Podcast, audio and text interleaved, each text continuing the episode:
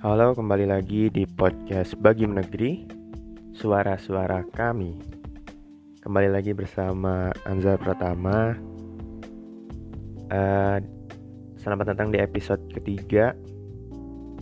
Uh, Kali ini gue ingin cerita terkait dengan KKN Karena uh, tepat setahun yang lalu mungkin ya Sekitar setahun yang lalu itu uh, gua melaksanakan KKN di Majalengka tepatnya di Desa Pasir Ipis di Kecamatan Kertajati. Berhubung uh, saat ini juga adik-adik kelas gue sedang melaksanakan KKN jadi gue tergerak buat apa ya cerita kembali terkait pengalaman KKN gue tahun lalu. Oke, jadi sebenarnya KKN itu adalah salah satu mata kuliah yang ada di kampus dan ini memiliki bobot SKS yang cukup besar yaitu 4 SKS. Dan KKN sendiri itu kurun waktunya sekitar 40-an hari dan uh, dilaksanakan ketika akhir semester genap atau akhir semester genap itu khususnya semester 6 nah uh, untuk tahun lalu sendiri KKN gua itu kebagian tempat KKN di uh, Majalengka. Nah terkait tempat KKN sendiri untuk tahun lalu itu gua ditentukan oleh kampus. Jadi uh, tiap mahasiswa itu ditentukan oleh kampusnya masing-masing untuk KKN di mana. Dan kebetulan di fakultas gua sendiri di fakultas ekonomi dan manajemen itu punya tiga tempat yang dijadikan host untuk KKN. Yang pertama itu ada di Majalengka yang kedua ada di Sumedang dan yang ketiga ada di Blora Nah jadi untuk mahasiswa fakultas gue sendiri itu kebanyakan ada di tiga tempat tersebut dan gue kebagian di Kabupaten Majalengka. Jadi pertama kali tahu atau dengar informasi gue dapat kebagian KKN di Majalengka itu gue lagi supporteran waktu itu kalau nggak salah karena di kampus lagi rame omi lagi supporteran terus tiba-tiba teman-teman banyak yang heboh gitu ya urusan pembagian tempat KKN dan ternyata nama gue tercantum dalam daftar mahasiswa yang KKN di Majalengka. Nah, dari KKN sendiri tuh sebelum keberangkatan ada beberapa rangkaian seperti kuliah pembekalan itu sekitar berapa kali ya? Di GWW itu sekali. Di kelas itu sekali di oh berarti sekitar tiga kali ya? Eh tiga kali? Empat lah empat kali. Eh tiga apa empat ya? Sekitar tiga sampai empat kali. Yang sekali itu di GWW itu seluruh mahasiswa satu angkatan kemudian di auditorium itu dibagi-bagi masing-masing tempat. Di kelas itu juga dua kali ya salah di kelas itu. Ya sekitar segitulah. Itu adalah pembekalan sebelum uh, keberangkatan KKN kita di situ dikasih materi-materi dan juga beberapa informasi terkait wilayah tempat pengabdiannya.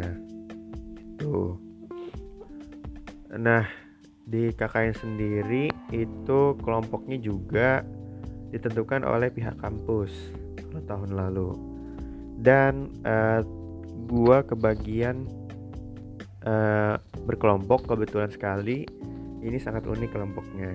Karena apa? Karena ternyata di kelompok gua ada yang berasal dari Aceh yang mana itu adalah ujung Indonesia bagian barat dan juga ada yang berasal dari Manokwari ya Manokwari John tuh ya kalau misalnya yaitu yang mana wilayahnya ada di uh, ujung timur di Indonesia.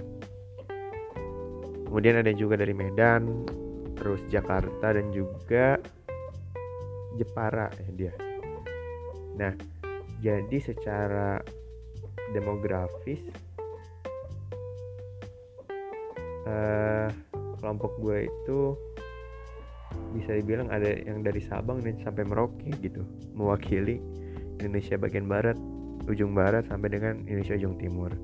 Dan itu adalah salah satu hal yang ternyata baru gue sadari ketika uh, sudah berada di desa gitu ketika melaksanakan KKN.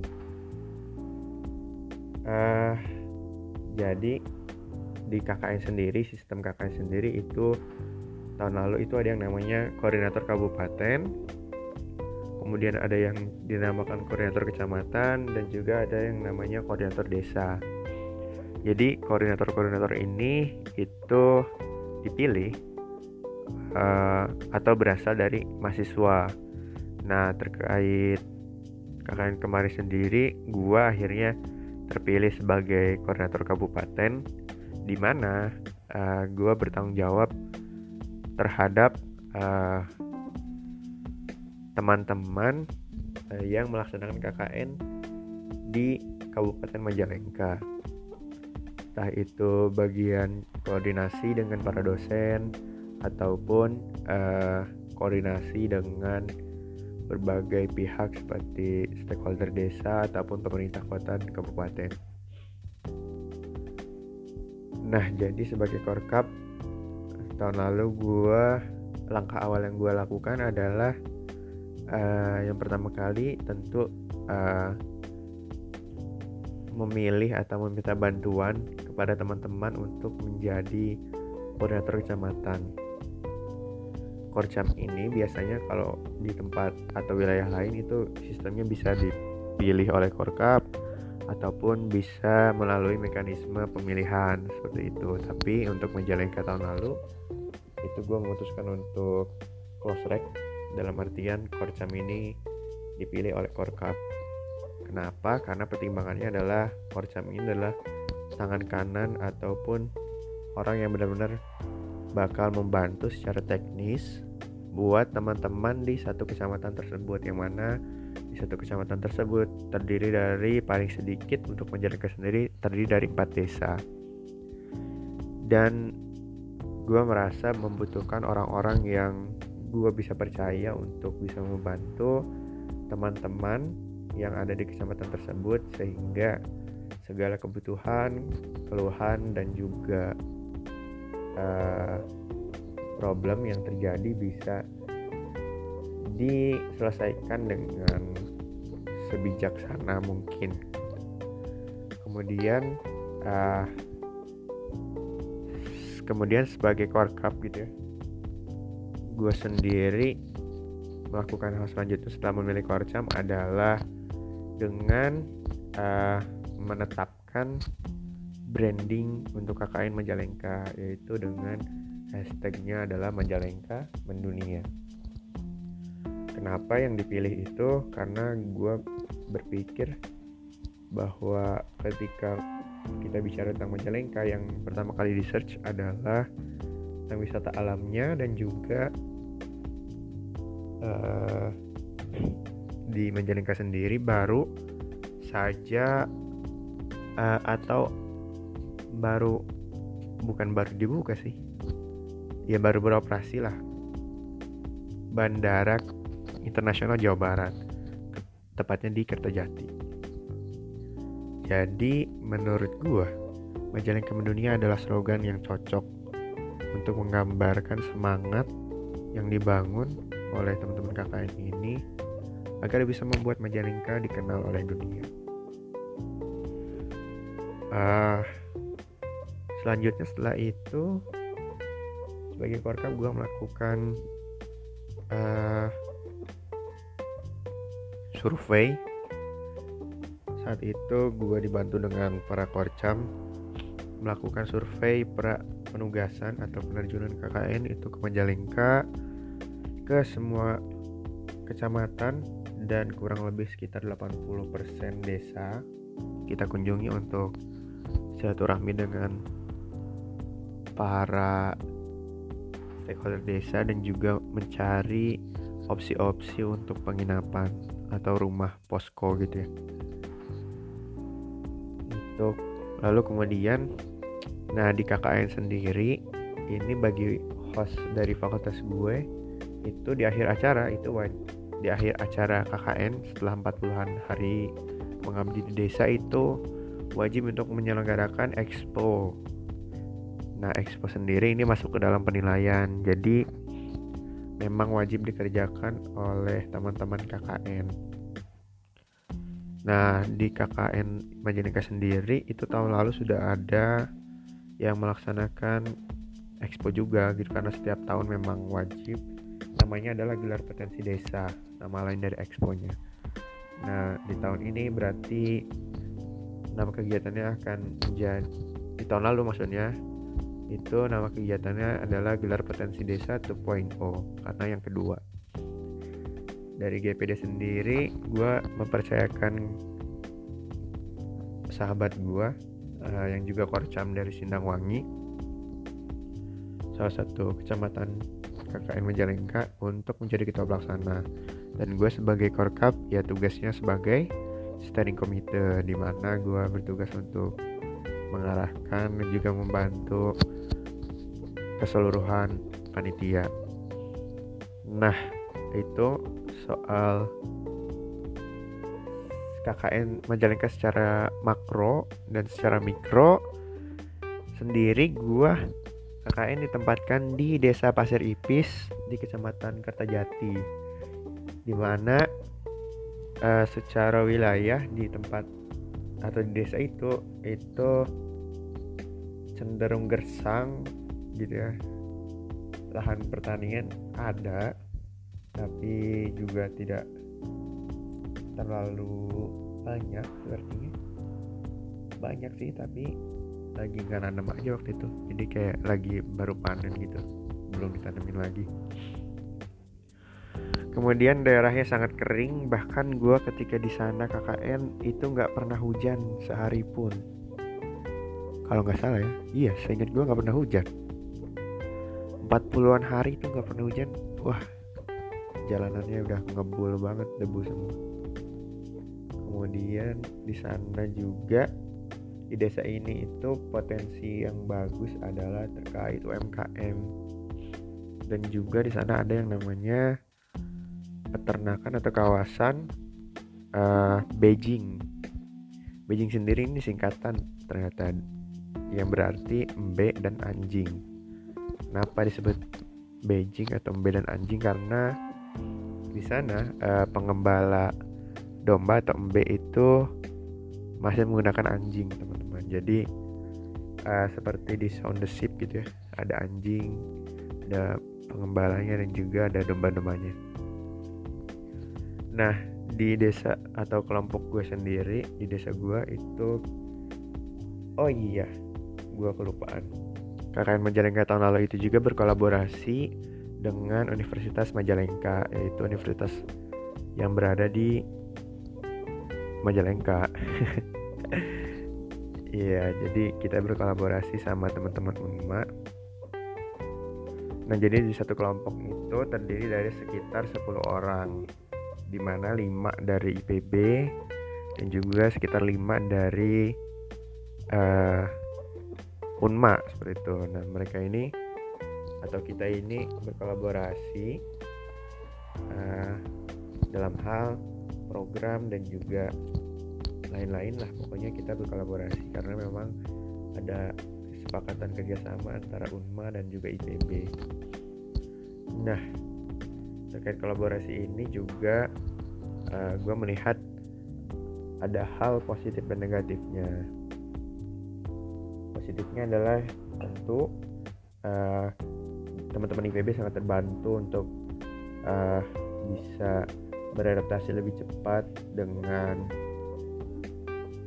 budaya ataupun bahasa dari penduduk di sekitar gitu ya. Cara berkomunikasi juga lebih mudah. Kemudian uh, secara tempat tinggal juga kita lebih dimudahkan karena teman-teman Unma lebih mudah untuk mencari pilihan-pilihan terkait tempat tinggal. Karena dekat gitu ya dengan lokasi rumah mungkin. Atau tidak ter, tidak sejauh orang Bogor harus ke Majalengka dulu. Kemudian juga secara aspek biaya itu bisa lebih murah karena iurannya bisa lebih banyak orang.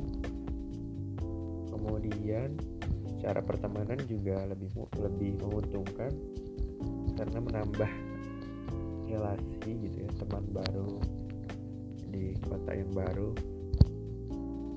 Dan secara negatifnya adalah uh, masih banyak miskoordinasi mungkin ya dalam hal mungkin program dan segala macam. Dan belum terlalu kenal juga banyak sekali batas wajar lah. Nah terkait program sendiri di desa uh, gua kelompok gua itu ada sekitar berapa program ya? Uh, terkait UMKM itu satu namanya gue singkat jadi Pukis. Program UMKM Pasiripis itu isinya adalah uh, pelatihan atau seminar terkait UMKM dan juga uh, membantu branding dari UMKM yang sudah ada.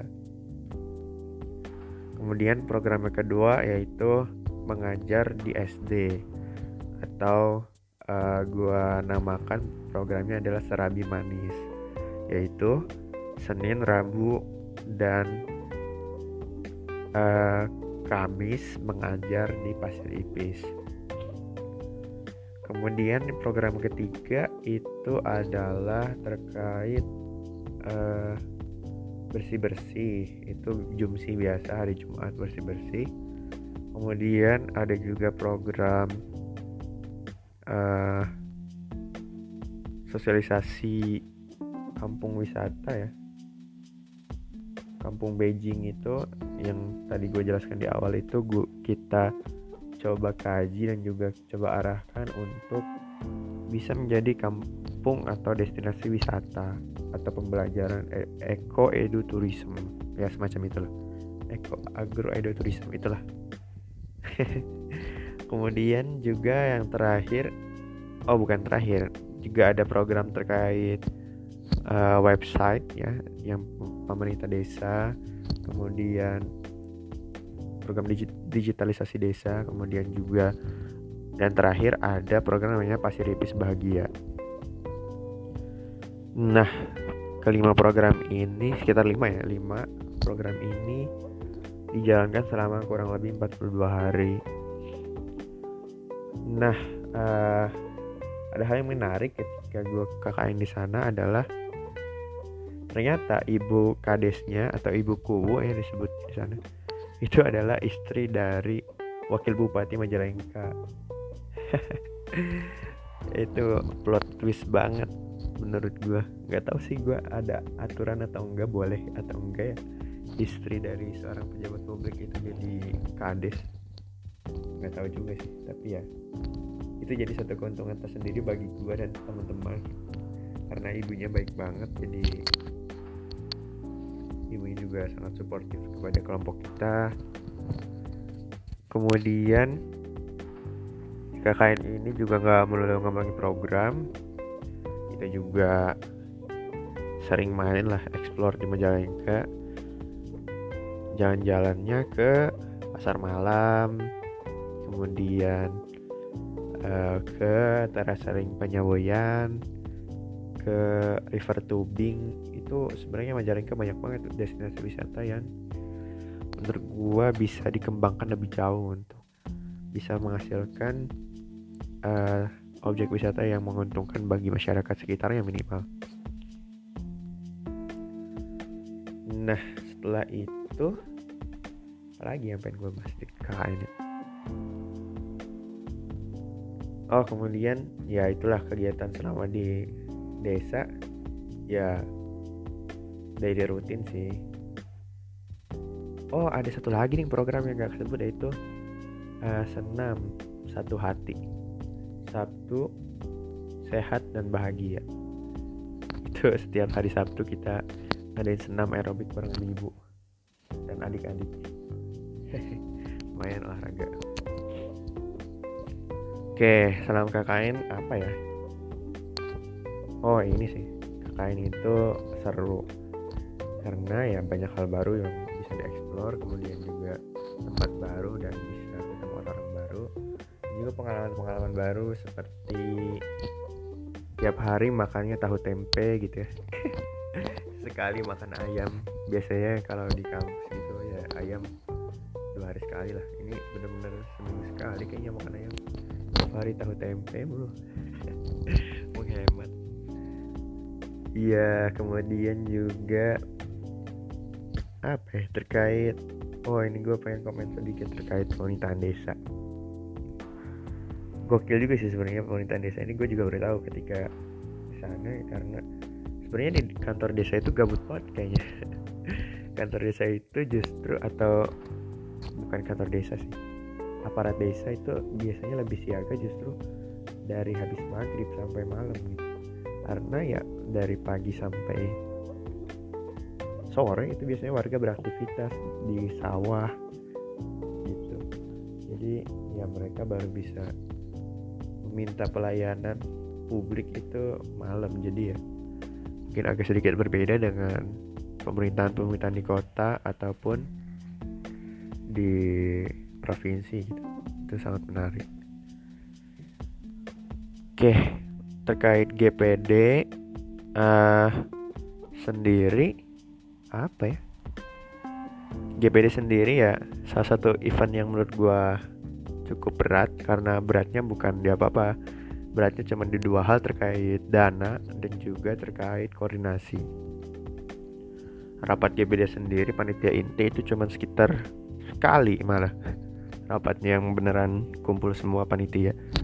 Sekali doang sisanya adalah koordinasi-koordinasi mikro koordinasi antara korkap korcam korcam kordes dan juga panitia antar panitia Iya, uh, salah satu oh iya salah satu prestasi juga buat KKN Majalengka adalah kita berhasil di fallback oleh Gubernur Jawa Barat Bapak Ridwan Kamil di Instagram kkn.majalengka. Oh, sorry, kknipb.majalengka. Ya, lumayan hasil komen-komen di postingan beliau. Akhirnya di follow back. Terkait GPD sendiri Nah, itu kita ngadainnya selama dua hari. Yang hari pertama itu untuk presentasi uh, terkait hasil KKN selama 42 hari melalui talk show dan lain-lain. Kemudian malamnya di malam minggu kalau nggak salah itu. Ya, itu kita ngadain penampilan juga di alun-alun Majalengka dan membentuk formasi cahaya bertuliskan Majalengka mendunia. Salah satu yang cukup menantang entahlah karena mungkin anak IPB itu kreatif ya uh, dan terkenal dengan formasi akhirnya ya udah bikin dah formasi cahaya menjalankan dunia itu pakai center dan detect pakai drone malam-malamnya.